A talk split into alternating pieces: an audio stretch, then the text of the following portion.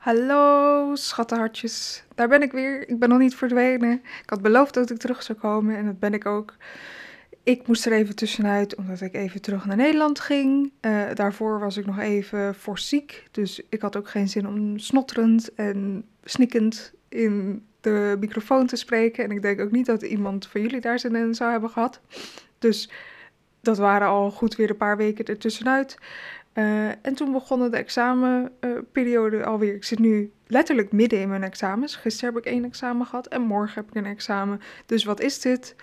Ik ben heel erg aan het procrastinaten. Ik geef het maar meteen toe. Ik heb gewoon geen zin om nog een paar stukjes tekst te gaan doornemen uh, voor mijn examen morgen. Maar wat dacht ik wat wel een goed idee zou zijn? Ik ga gewoon het hebben over waar morgen mijn examen uh, over zal gaan.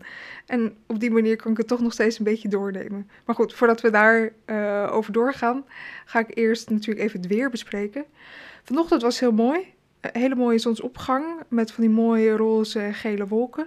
Uh, maar wel het hele donkere wolken aan de andere kant. Dus ja, dat laten we wel weer zien hoe Edinburgh kan zijn. En het is nu eigenlijk ja, wit, witte, witte lucht uh, redelijk koud, geen wind. Het heeft ook niet meer geregend volgens mij. Dus we mogen niet klagen, want het is 15 december. Dus het kan veel kouder en veel natter en veel viezer zijn. Dus dat was het weer. En dan nog even nadenken, de zonnestraaltjes van deze week. Mm, dat vind ik wel moeilijk hoor. Uh, ik heb een heel slecht cijfer teruggekregen. Dus dat was uh, zeker geen zonnestraaltje. En uh, de dag daarna had ik, denk ik, food poisoning of een tummybug. dus toen heb ik heel de dag in mijn bed gelegen.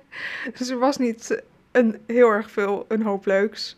Um, dus we gaan even nadenken over iets kleins, iets leuks.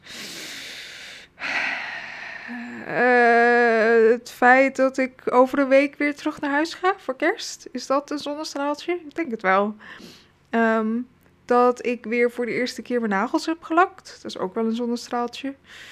Um, ja, niet, niet een hoop wat, wat meteen er voor me uitspringt. Ik heb een mooie nieuwe kunstenaar ontdekt.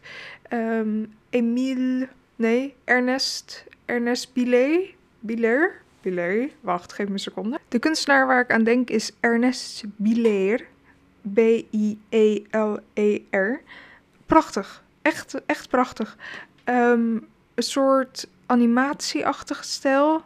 Um, met een soort uitlijnen, maar ook heel erg klassiek. Net alsof het op een soort uh, ceramic is geschilderd. Um, met hele klassieke traditionele scènes, zoals bijvoorbeeld vrouwen uh, die op het land aan het werken zijn, uh, in traditionele kleding. Nou ja, een soort magisch uh, kunstwerk weer. Dus moet je zeker even opzoeken. Er is heel weinig over hem te vinden. Dus ja, dat vind ik persoonlijk dan altijd leuk. um, dus daar ga ik nog wel even wat meer over zoeken. En misschien horen jullie daar later ook nog wel meer over. Uh, en ik denk dat dat wel mijn zonnestraaltjes van de week. Beetje sad, maar laten we hopen dat het voor kerst uh, wat beter uh, zal zijn. Dan gaan we nu door naar dus het onderwerp van deze week. en dat is het eerste academische onderwerp waar we eigenlijk over dan gaan spreken. En ik wil je niet afschrikken met academisch, want ik ga het gewoon over de leuke feitjes hebben die ik heb geleerd dit afgelopen semester. um, om mezelf weer een beetje te enthousiasmeren om verder te gaan studeren over dit onderwerp. En het onderwerp waar we het over gaan hebben zijn manuscripten en kunst uit de 15e eeuw uit Frankrijk. Super niche, maar super interessant. En het wordt ook gegeven door mijn favoriete professor aan de universiteit. Ze doet ook mijn uh, dissertatie uh, overzien. Dus dat is gewoon altijd leuk natuurlijk. Dus ik ga het ook heel erg missen, want ik ga het niet meer hebben in het volgende semester. Dus ik ben nu nog even aan het genieten uh, ja, van dat ik haar heb als uh, professor. Maar gelukkig heb ik nog contact met haar voor mijn dissertatie. Maar goed, dus waar gaan we het uh, als allereerste over hebben? Ik denk dat het belangrijkste is om als eerste te vertellen dat je heel erg moet beseffen als je kunst uit deze tijd gaat bestuderen, hoeveel kunst er verloren is gegaan over de tijd. Dat is gewoon met, met alles uh, wat honderden jaren heeft bestaan natuurlijk zo. Maar binnen de koorts van um, eh, Frankrijk in de 15e eeuw, dus de, de hogere kringen eh, van de maatschappij, was het heel normaal dat kunstenaars een soort ephemeral kunstwerken maakten. Dus op papier of op fabric. Of dat ze dingen uh, designden voor festivals en feesten. En dat is gewoon verloren gegaan. Hetzelfde met goudwerk en zilverwerk. Dat is ook verloren gegaan omdat dat gewoon opnieuw gesmolten is als ze geld nodig hadden voor war of andere uh, dingen die ze gingen ondernemen. En dus alles wat je bekijkt en alles wat nu nog bestaat, moet je heel erg beseffen dat dat maar een mini deel is van wat er toen heeft bestaan. En twee, dat het heel, heel erg luxe was om dit soort kunstwerken te hebben. Dus eh, kunstwerken op panels of uh, in prachtige manuscripten. De normale mens kon dat natuurlijk gewoon niet betalen. En nou was dat rond die tijd ging dat natuurlijk wel veranderen omdat de printdruk uh, werd uitgevonden. Dus het werd wat meer uh, voor de normale mens, om het zo maar te zeggen, beschikbaar. Maar dit was luxer dan luxe. Luxe, luxe, luxe. Dus dat moet je altijd in je achterhoofd houden als je naar dit soort kunstwerken aan het kijken uh, bent. Omdat het nu zo normaal is voor ons om mooie, um, elke dag prachtige foto's, kunstwerken um, op onze iPhone, iPad. Je ziet gewoon zoveel visueel materiaal. En in vergelijking met een paar honderd jaar terug was dat natuurlijk gewoon veel minder.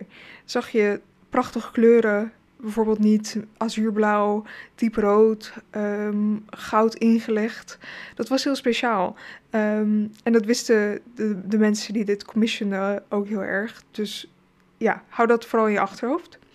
En dan ga ik denk ik nu door met uh, iets bespreken waar ik mijn essay over heb geschreven. Gelukkig heb ik daar wel een goed cijfer voor gekregen. Uh, en dat ging over Jean-Duc du Berry en de Limburg Brothers, uh, broers.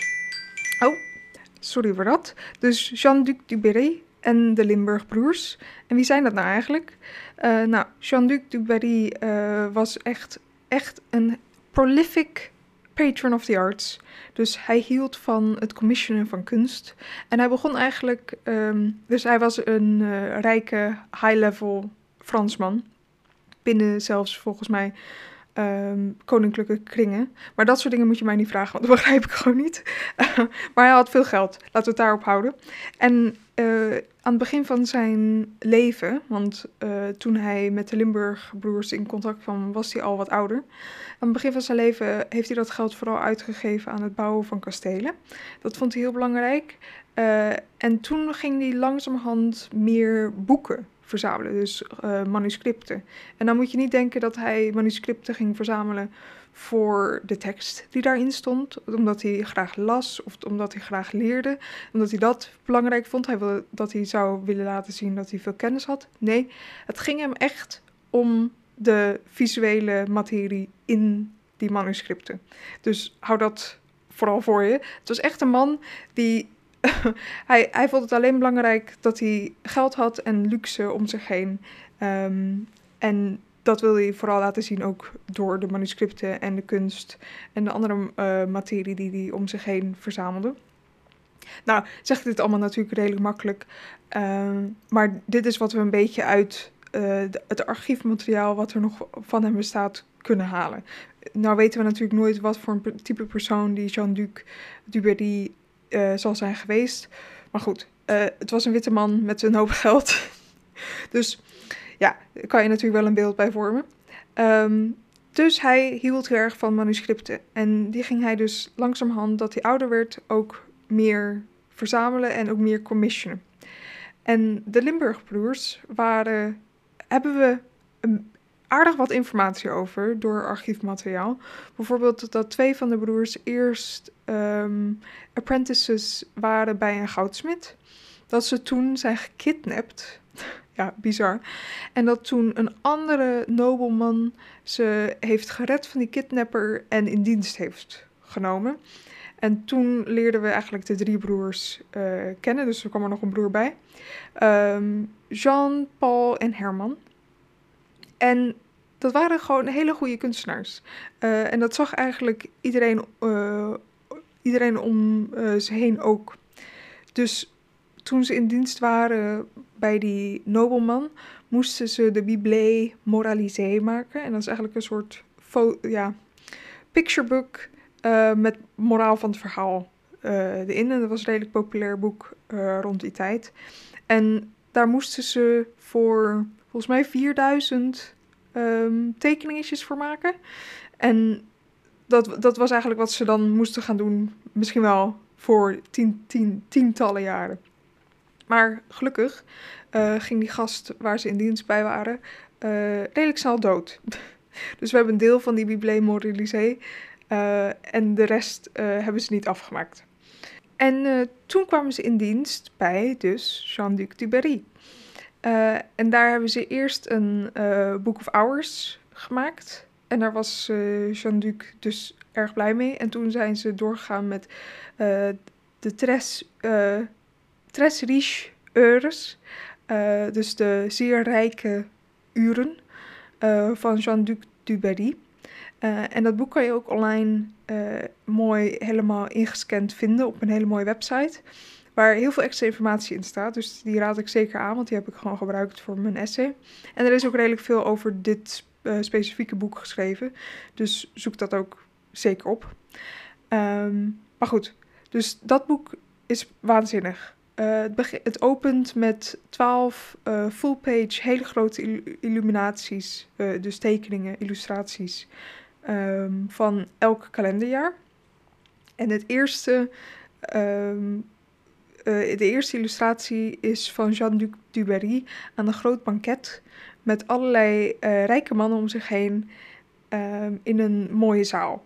En ja, nou beschrijf ik het alsof er heel veel perspectief in zit, maar het is een soort een platwerk um, met een, ja, een illustratie van een tapestry die uh, Jean-Duc Dubarry waarschijnlijk ook had op de achtergrond.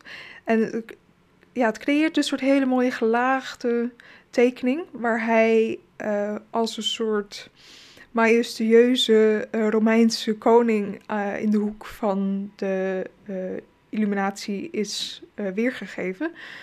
Um, en ja, daar kan je een hoop over zeggen, want het, lijkt, het is niet een super traditionele manier om zo'n man weer te geven. Vaak werd dat uh, met een uh, saint, werd, werden de patrons weergegeven. Of bij de Annunciation, of nou ja, dus heilige of iets, een christelijke scène. Maar hij werd dus in de January page van de kalender weergegeven als een soort Romeinse keizer. En ja, dus er bestaan ehm, uit zijn archieven materiaal dat er een munt was van, moet ik even goed nadenken, een keizer uit het Romeinse Rijk volgens mij.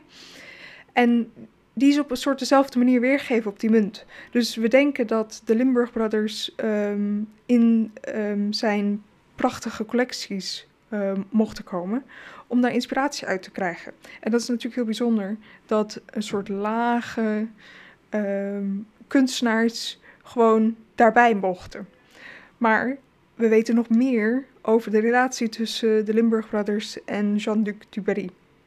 En vooral hele vreemde dingen. Oké, dus daar gaan we. We hebben een hele gedetailleerde inventaris van hoe hij zijn geld uh, spendeerde. En daardoor zien we dus dat um, Jean-Duc de Berry een hoop cadeaus gaf aan de Limburg Brothers. En dit waren cadeaus van diamanten of ringen. Maar het meest vreselijke, dat Jean-Duc Dubarry zijn favoriete uh, broer, en dat was Paul, um, probeerde een kind of een bruid cadeau te geven. Een kindbruid cadeau te geven. Ja, nee, dat meen ik serieus. Uh, en niet eens omdat hij dat kind had gekocht of van de moeder of zo. Nee, uh, hij had dat kind gewoon gevangen genomen, uh, ergens in zijn kelders, en wilde dat aan Paul cadeau geven als bruid. Gelukkig kwam er een andere nobleman um, tussen en die heeft gezorgd dat het kind weer vrij kwam. Maar dit laat je wel zien wat voor een type man die Jean-Duc waarschijnlijk is geweest. Vreselijk, vreselijk idee. Maar goed, Verder kunnen we zien dat de broers Jean-Duc ook zelf cadeaus heeft gegeven. Cadeau geven was in die tijd een traditie uh, in de hogere kringen van de maatschappij. En het was ook heel belangrijk wat voor een type cadeaus je gaf. Um, maar ja, voor een kunstenaar naar zijn patron uh, zou dat natuurlijk net iets anders zijn geweest. Maar het laat zien dat zij, het type cadeau wat zij hebben gegeven, laat zien dat ze een soort humor, een goede relatie uh, waarschijnlijk hadden. Want de broers hebben hem een een houten blok eigenlijk gegeven, maar wat versierd was om te lijken op een boek, een manuscript, een, een heel luxe uh, manuscript. Dus ze hadden het, um, ja, soort, volgens mij hadden ze er vellum of iets van um, mooi leer overheen gelegd en toen geëmailleerde uh, gespen aan de zijkant uh, gedaan. Dus het leek op een manuscript. En wat we ervan begrijpen, is dat Jean-Luc Dubarry dat ook een leuk cadeau vond. Want ze hebben gewoon doorgewerkt daarna voor hem. En hij was altijd um, zeer positief over de broers. Dus dit laat zien dat er een soort grapje tussen de patron en de artist was. Want dit boek, dit nepboek, laat eigenlijk zien wat ik al eerder zei over Jean-Luc. Dat hij alleen maar de luxe visuele um, materie van het boek belangrijk vond. Een houten boek kan je natuurlijk letterlijk niet lezen. dus dat is eigenlijk de grap uh, die het lijkt dat de broers naar uh, hun patron hebben gemaakt. Wat nog meer laat zien dat uh, Jean-Duc um, alleen maar gaf om de luxe, is dat er een ander portret van hem in een ander boek te vinden is, waar hij letterlijk bij de poorten van hemel staat poorten van de hemel staat. en dat hij probeert zichzelf naar binnen te praten of uh, ja, naar binnen te krijgen door uh, de angel die daar staat uh, luxe diamanten en juwelen te geven. Nou, niet te veel natuurlijk. maar dit laat je maar zien wat voor een ja, soort bizarre relatie er kon ontstaan tussen de patron en de artist. Um, en ja, dit is denk ik al het interessante wat ik je kan vertellen over Jean-Duc en de Limburg Brothers. En je moet zeker gewoon um, ze opzoeken, want het zijn waanzinnige illustraties, illuminaties, um, waar je eindeloos naar kan kijken. Ze, de Limburg Brothers waren gewoon ontzettend, ontzettend uh, getalenteerd. En zeker een illustratie ook van um, Jezus in het donker, met een soort lichten eromheen, is waanzinnig. heel anders dan dat je zou verwachten uh, van die tijd. Oeh, oeh, ja, oh ja, dit. Nou, ik hou natuurlijk heel erg van materiaal over de dood en hoe de dood wordt weergegeven in de verschillende eeuwen en verschillende culturen. Of natuurlijk, daar hou ik erg van. um, en er is bijvoorbeeld uh, René d'Anjou, D,A-N-J-O-U. Um, en hij was een koning in Frankrijk uh, en hield natuurlijk ook weer van kunst uh, en kunst maken. Um, en was heel erg geïnteresseerd ook in schrijven en zelf dus kunst maken. En dat is best bijzonder voor nobel mannen van die tijd. Maar goed, hij had natuurlijk dan ook een collectie van Books of Hours en andere type manuscripten. En nou wil ik het hebben over één illustratie. Uh, en dat kan je vinden in The Hours of René d'Anjou. Um, en die is volgens mij in het Frans uh, Nationaal Bibliotheek online uh, te vinden. En dan kan je natuurlijk gewoon ook weer doorheen bladeren. Moet je wel even de website begrijpen en dat duurt altijd even. Uh, maar ik weet zeker dat je jezelf er wel doorheen kan vlingen. en er is één full-page miniatuur van verschillende miniaturen die later nog aan het manuscript zijn toegevoegd. Uh, en dat is een portret van de dood. Dus een memento mori. Um, en een soort gruwelijke image van een skelet uh, midden in de pagina. Maar het interessante is dat scholars denken dat dit een portret ook van René is. Nou, dat is natuurlijk bizar. Um, dat uh, die koning zich op zo'n manier wil laten zien en dat ook later nog heeft toegevoegd. Um, en dit gaat ook weer verder op het idee um, van dat wij misschien manuscripten verkeerd nou ja, niet verkeerd, niet misschien per se verkeerd, maar anders begrijpen. Want wat ik zeg, deze illuminaties zijn later toegevoegd. En deze manuscripten, zeker Books of Hours ehm, of andere gepersonaliseerde, gecommissioned werk, dat kon gewoon veranderen door de tijd heen. Uh, en veranderen bedoel ik dus dat kon groeien of um, konden veranderingen in gemaakt worden doordat er pagina's werden toegevoegd of dat er andere uh, heraldry uh, werd um, gemaakt. met heraldry bedoel ik um, de, de, de logo's van de koningen. Ik weet niet hoe dat in het Nederlands heet. En dat werd dan veranderd of toegevoegd. Um, dus die boeken die veranderden gewoon. Uh, dus die zijn niet statisch zoals wij nu gewend zijn. Met paperbacks natuurlijk. Of uh, gewoon gebonden boeken. Je zou nooit denken om daar zomaar een pagina in het midden toe te voegen. Maar dat was toen veel normaler. Want het was gepersonaliseerd. Uh, jij had het gecommissioned. Het was meer een sign of luxury, van geld. Dus waarom zou je daar niet iets later nog aan toevoegen? En die uh, René, die schreef dus ook graag. En die heeft ook zelf uh, verschillende boeken geschreven. En er is één boek vooral wat interessant is. Uh, en dat heet Livre du cœur d'amour et prix. Dus het boek van het hart. van het hart van de liefde, denk ik. En het was meer een allegorisch verhaal. Um, en dat is dus ook ge, um, gebonden en um, illuminated uh, versie wat, wat er nog voor ons bestaat om te bekijken. Redelijk bizar verhaal, moet ik eerlijk toegeven.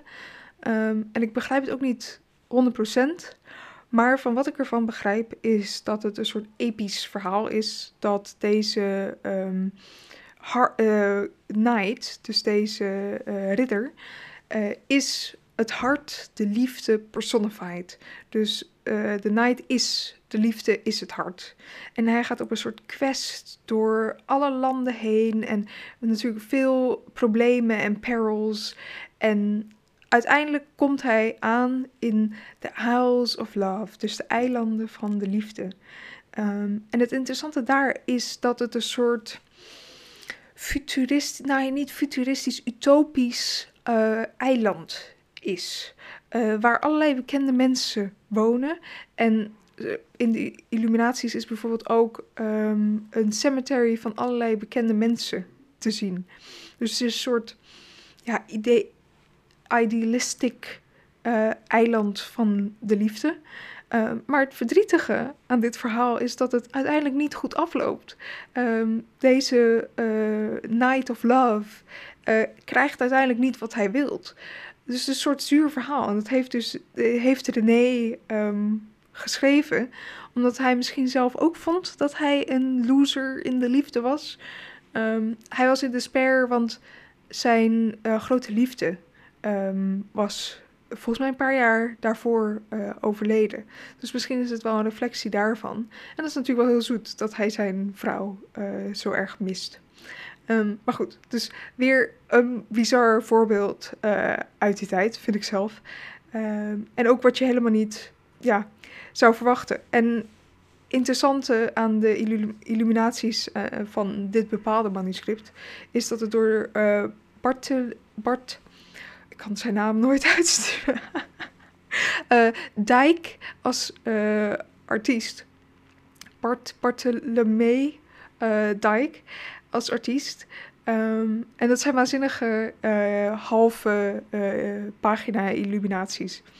Um, vooral leuk is als je goed naar de um, paarden in de illuminaties kijkt, dan hebben die een soort sub-narrative. Um, samen. Dus ze kijken net alsof het een serie, een aflevering van The Office is. Een soort in de camera. Ze kijken naar je toe. Als er weer iets gebeurt waarvan ze denken: what the fuck, wat gebeurt er nou weer? Of dit is een fout. Of dan kijken ze elkaar een soort aan, zo van: what the fuck. Uh, wat gebeurt er nu weer? Waar moeten we ons nu weer uh, doorheen uh, zien te banen? Dus dat is heel erg leuk. Dus deze raad ik ook heel erg aan om gewoon even te gaan bekijken. En dan gaan we nu door over Jean Hay. Um, en dan vooral in zijn commissies voor de Bourbon Court uh, in Frankrijk. En dan gaan we het eerst even hebben over Anne Frans, uh, de vrouw van Pierre. En dit is echt een soort boss-ass bitch geweest. Of tenminste, die impressie geeft alles wat we over haar uh, hebben geleerd en nu nog steeds weten. Um, want ze waren heel erg politically important, dit stel, Anne en Pierre. Um, zij waren de regents of France voor verschillende periodes in uh, Frankrijk. En dan was eigenlijk de center of power bij hun. Dus ja, je kan je voorstellen, dan waren zij gewoon de mensen die de keuzes uh, en beslissingen maakten voor Frankrijk. Um, maar dan moet je niet denken dat Pierre de macht in handen had. Of tenminste, dat idee hebben we niet. En dat komt um, vooral doordat zij um, zo intelligent overkomt. Bijvoorbeeld, de koning, haar vader, had gespecified dat hij wilde dat zij zijn opvolger zou zijn, omdat hij haar zo slim vond. En dit gebeurt natuurlijk niet heel vaak. Dus je kan je voorstellen dat dit een, ja, gewoon een kunning, uh, slim, slimme vrouw uh, was. En dit vind ik dan zelf nog wel zoet. Hij noemde haar bijvoorbeeld the least foolish woman in France. Nou ja, als dat het grootste compliment is wat je voor je vader kan krijgen. Ik weet niet of je daar zo blij mee moet zijn, maar voor die tijd was dat natuurlijk wel heel speciaal. Um, ze heeft waarschijnlijk uh, een hoop gelezen en een hoop meegekregen van haar moeder ook. Uh, want die was een bibliofiel, dus die las ook heel erg veel. En ze heeft zelf een boek geschreven, dus Anne heeft zelf een boek geschreven, uh, Lessons to My Daughter. En ja, dat vind ik gewoon waanzinnig dat ze dat uh, in die tijd heeft gedaan. Um, en dat is geschreven tijdens de periode dat haar dochter zou gaan trouwen. En dan moet je je hart even vasthouden. Haar dochter was 14. Kan je het voorstellen? Oh my god. Maar goed, dat was gewoon normaal voor die tijd. Uh, en helaas gebeurt het natuurlijk nu nog steeds. Maar laten we daar niet te lang over nadenken. En het boek, wat tenminste als je het aan mij zou voorleggen, deze titel, zou ik denken: oh, dat gaat over uh, hoe je een goede vrouw moet zijn, uh, hoe je je man um, blij moet maken, weet je wel, dat soort dingen. Wat we meer in de jaren 50 ook uh, van de 20ste eeuw zagen. Maar nee, het is letterlijk een soort uitleg van hoe jij um, je power kan blijven houden zonder dat jij um, alle aandacht naar jezelf trekt. Want dat wil je natuurlijk niet als vrouw. En dat is wat Anne zelf ook deed. Zij had alle power, maar ze deed net alsof Pierre uh, de beslissingen maakte. Dus een soort puppet master was ze eigenlijk. En dat vond ik wel heel cool. Uh, en dat heeft ze dus in dat boek beschreven. En Jean Hay die werkte dus voor deze court of ja, uh, surrounding deze court. Uh, en maakte echt werkelijk waar waanzinnige portretten. En heeft bijvoorbeeld ook een heel interessant portret van een kind gemaakt. En dat was in die tijd nog niet heel um, werd nog niet vaak gedaan. En het verdrietige is, dit portret is van een zoon gemaakt, van de koning. Um, en een soort heel mooi, ja, bijna in één kleur um, gemaakt, in een soort beige. Uh, heel interessant ook om te zien wat kinderen in die tijd dan waarschijnlijk hebben gedragen. En Jean Hay was heel goed in echt mensen zoals ze er waarschijnlijk uitzagen. Dus herkenbaar uh, in beeld brengen. En dat kind ziet er dus ook een soort herkenbaar uit. En het is moeilijk om uit te leggen dat, ja, je kan goed het verschil zien als een kunstenaar een soort, wel iemand, een soort half herkenbaar, maar niet de herkenbare features in beeld heeft gebracht. En wanneer, wanneer iemand dat wel heeft gedaan. Uh, en dat is dus bij dit kinderportret uh, gebeurd. Maar dat kinderportret is gemaakt om naar de koning te sturen omdat hij weg was toen zijn zoon werd geboren. En in die tijd duurde alles natuurlijk langer, dus dat was waarschijnlijk voor jaren. Um, en dat zoontje is overleden in de tijd dat, uh, voordat de vader weer terug was. Dus ja, je kan je voorstellen dat dat portret waarschijnlijk heel bijzonder is geweest uh, voor de ouders. Dan zal ik natuurlijk nog even de naam van het kinderportret noemen. Dat is een portret van Dauphin Charles Hollande. Um, en ja, het laat ook wel iets zien van Jean Hay, wat voor een ja, reputatie hij had misschien in de koorts. Dat um, hij echt werd vertrouwen om uh, zo'n kind in beeld te brengen en dat het herkenbaar en voor de koning goed in beeld gebracht zou zijn geweest. Dus ja, ik vind dat een soort magisch dat we dat dan uit maar een paar ja, archiefmateriaal en kunstwerken kunnen halen. Jean Hay is vooral uh, bekend van zijn Moulin altarpiece. Eerst was hij uh, bekend als de master van Moulin. Um, en dit is gewoon redelijk traditioneel, volgens mij een triptych. Um, dus Moulins, het is een devotional object, maar heeft ook dus echt poli politieke aspecten door die Pierre en Anne. Of nee, zoals we hebben besproken, vooral dus door Anne. Um, en het is echt een opulent, luxurious object, um, hoe het is afgebeeld. Het is een prachtig altarpiece. Het is geschilderd in deze dieprode kleuren en een soort hele, hele diepe, uh, warm en rich palet van kleuren. En aan de ene kant heb je dus Anne en aan de andere kant heb je Pierre. Uh, en die worden omringd door um, hun patron saints, wat heel normaal was in die tijd. Uh, en die, werden, die kozen ze vaak ook zelf uit. En in het midden zie je Maria en, het Christus, en Christus um, afgebeeld in een soort circular manier. Um, en de proporties van de triptych vind ik ook wel interessant. Dat het een soort vierkant eh, middenstuk heeft. En dan deze hele slendere um, ja, stukken aan de zijkant, waar dus de patrons op afgebeeld zijn. En in het midden zie je dus Maria en het kind. En die zijn omringd met engelen en patrons. Maar, of patrons, uh, saints. Uh, maar interessant is visueel dat ze omringd zijn met een uh, cirkel van uh, regenboogkleuren.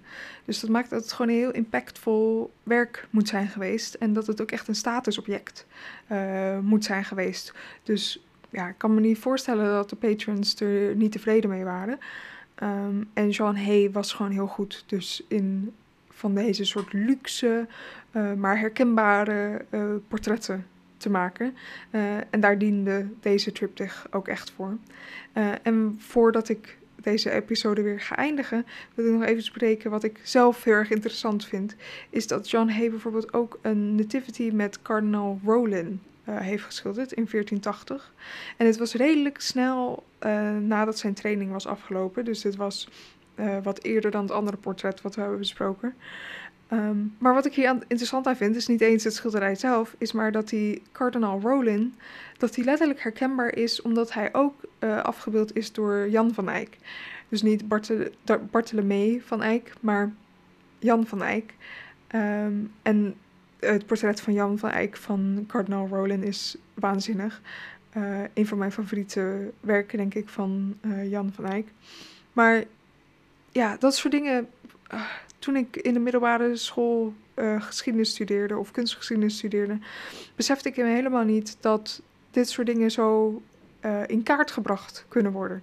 Dus dat je die uh, patrons kan gaan herkennen en dat die soort aan elkaar verbonden zijn. en ja, het maakt de geschiedenis een soort behapbaarder, een soort, ja, dat je het beter begrijpt. Ik vind het gewoon, ik kan niet anders zeggen, ik vind het waanzinnig dat ik dat schilderij zag en dat ik meteen zoiets had van dat is de Roland van Jan van Eyck. Want die hebben we ook bestudeerd uh, in een ander semester. Um, ja, dus dat. Ja, ik word er helemaal excited van als kunsthistoricus. um, dat is wat het gewoon leuk maakt. Dat je um, een soort de geschiedenis wat meer gaat begrijpen. En vooral, en ik hoop dat als je zelf met geschiedenis of kunstgeschiedenis bezig bent, dat ja, een soort mensen zijn altijd mensen geweest. Um, mensen zijn gewoon heel normaal. En ook in die tijd waren ze heel normaal. En dat wordt mij steeds meer duidelijk als ik het ga bestuderen. Dat ze, mensen zijn altijd met dezelfde dingen bezig geweest. Of dat nou liefde of power of politiek was. Um, dat het een soort niet ver van je af hoeft te staan als je dat aan het bestuderen bent. Dat je het beter een soort op een personal level kan begrijpen. Maar wel dat je altijd begrijpt dat het leven toen zo anders was. Dus dat hoe wij nu dingen begrijpen, dat dat waarschijnlijk zo anders was dan toen. Um, en zeker als het om visueel materiaal gaat. Hoe, ja, wij, wij zijn spoiled bijna met visueel materiaal nu. Um, en dat dat toen zoveel meer impact heeft gemaakt. Zeker uh, altarpieces en triptychs van wat over hel en heaven ging. Zeker in die tijd dat ze daar zo bang voor waren. Ehm, dat je dat wel in je achterhoofd moet houden, zeker als je dat aan het bestuderen bent. Maar dat dat je niet te ver van de mensen die aan het bestuderen bent moet houden. Ehm, ja, begrijp ze gewoon als mensen. En dat maakt het bestuderen ook zeker gewoon leuker. Nou, dat was dus mijn procrastinatiesessie van vandaag. En ik hoop dat ik nu wat meer wil heb om hier nog eventjes wat meer in te gaan duiken. En nog wat weer mijn notities te gaan doorlezen. Ehm, zodat ik nog wat meer grip uh, heb over wat we dit semester hebben gebestudeerd. Want ik heb werkelijk geen idee waar het examen vragen over kan gaan stellen. Of wat ze misschien wat likely is waar we vragen over uh, gaan krijgen. Want het examen is niet feitelijk of zo. Want anders zou ik wel echt nu een probleem hebben. Um, je moet twee korte essays uh, binnen drie uur schrijven. Dus twee ongeveer iets meer dan duizend woorden. Um, en ja, ik, ik haat examens. Maar gelukkig is dit een onderwerp wat ik redelijk leuk vind. Dus mm, ik, ik heb nooit hoop, hoop voor examens en wat voor cijfers ik daarvoor ga krijgen. Want ik vind het sowieso bullshit dat je binnen zo'n tijd, time period zoiets moet schrijven. Maar goed, we gaan het gewoon doen. Uh, dus de procrastinatie is nu over. Ik ga ermee door. Ik hoop dat jullie deze aflevering leuk vonden. Volg me vooral op Studio Vogel of op Izzy Vogel op Instagram. Als je nog kerstcadeaus nodig hebt, als je dit voor kerst aan het luisteren bent, uh, benader me dan zeker. Uh, dat mag altijd. Uh, je kan ook mijn website bekijken, studiovogel.com. Um, en ja, ik hoop dat jullie een fijne festive period hebben. Misschien kom ik nog wel met nog een aflevering voor kerst. Uh, zo niet, fijne kerst. En anders spreek ik jullie snel weer. weer. Doei doeg!